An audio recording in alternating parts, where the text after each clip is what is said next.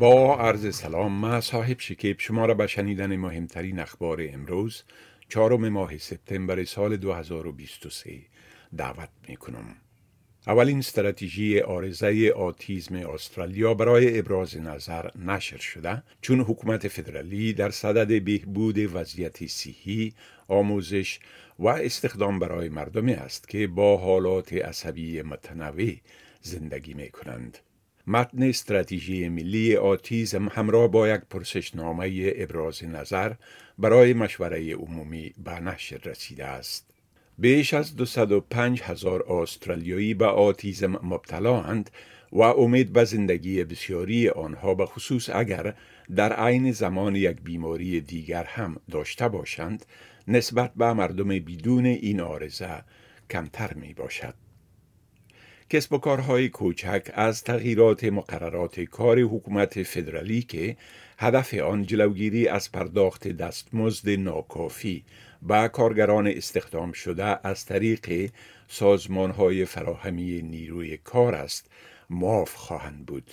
حکومت فدرالی امروز مقننه را به پارلمان ارائه کرد که هدف آن تضمین پرداخت عین حقوق به کارگران استخدام شده از طریق شرکت های فراهمی نیروی کار است که با کارمندان مستقیما استخدام شده پرداخته می شود که عین همان کار را در همان محل کار انجام می دهند. شغل و تجارت با پانزده کارمند یا کمتر معاف خواهند بود. یک تحقیق پارلمانی نشان داده که بحران خانه های کرایی تعداد فزاینده از استرالیایی ها به خصوص کسانی را که از جوامع محروم تر هستند به سوی بیسرپناهی سوق می دهد.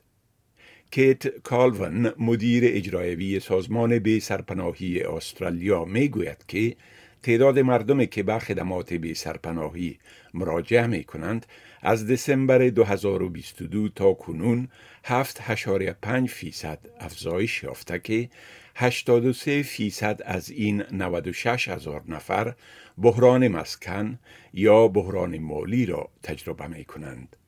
خانم کالون می گوید که میزان پایین به سابقه خانه های کرایی خالی مشکلات را برای اقلیت های آسیب پذیر بدتر ساخته است. پروگرام جهانی غذا گفته که در افغانستان از هر ده خانواده نو خانواده غذای کافی برای خوردن ندارند و اکثر اطفال بدون خوردن صبحانه به مکتب می روند. این پروگرام سازمان ملل متحد در یک پیام ویدیویی گفته که اکثر اطفال بدون نوشیدن چای صبح و با شکم خالی به مکتب می روند. پروگرام جهانی غذا می گوید که روزانه به 700 هزار طفل در مکاتب بسکیت های مغذی را با کمک کشورها و سازمان های کمک کننده فراهم می کند. مقامات ایرانی می‌گویند که در حدود 6 هزار افغان در زندانهای کشورشان اسیرند. علیرضا محمودی مدیر عمومی قنسولی وزارت خارجه ایران در صحبت با خبرگزاری ایسنا این موضوع را اعلان کرده است. آقای محمودی گفته که اتباع افغانستان بیشترین شمار مردم خارجی در زندانهای ایران را تشکیل می دهند. انجمن نوبل که جوایز نوبل امسال را سازماندهی می کند اعلام کرده که سفیران روسیه، بلاروس و ایران را برای شرکت در مراسم اعطای این جوایز در استکهلم دعوت نخواهد کرد. این انجمن در ابتدا تایید کرد که از نمایندگان این کشورها دعوت خواهد کرد اما اکنون از این تصمیم صرف نظر کرده است این بود خلاصه از مهمترین اخبار از برنامه دری اس آدیو شما می توانید گزارش های بیشتر درباره موضوعات گوناگون را در وبسایت ما با آدرس sbs.com.au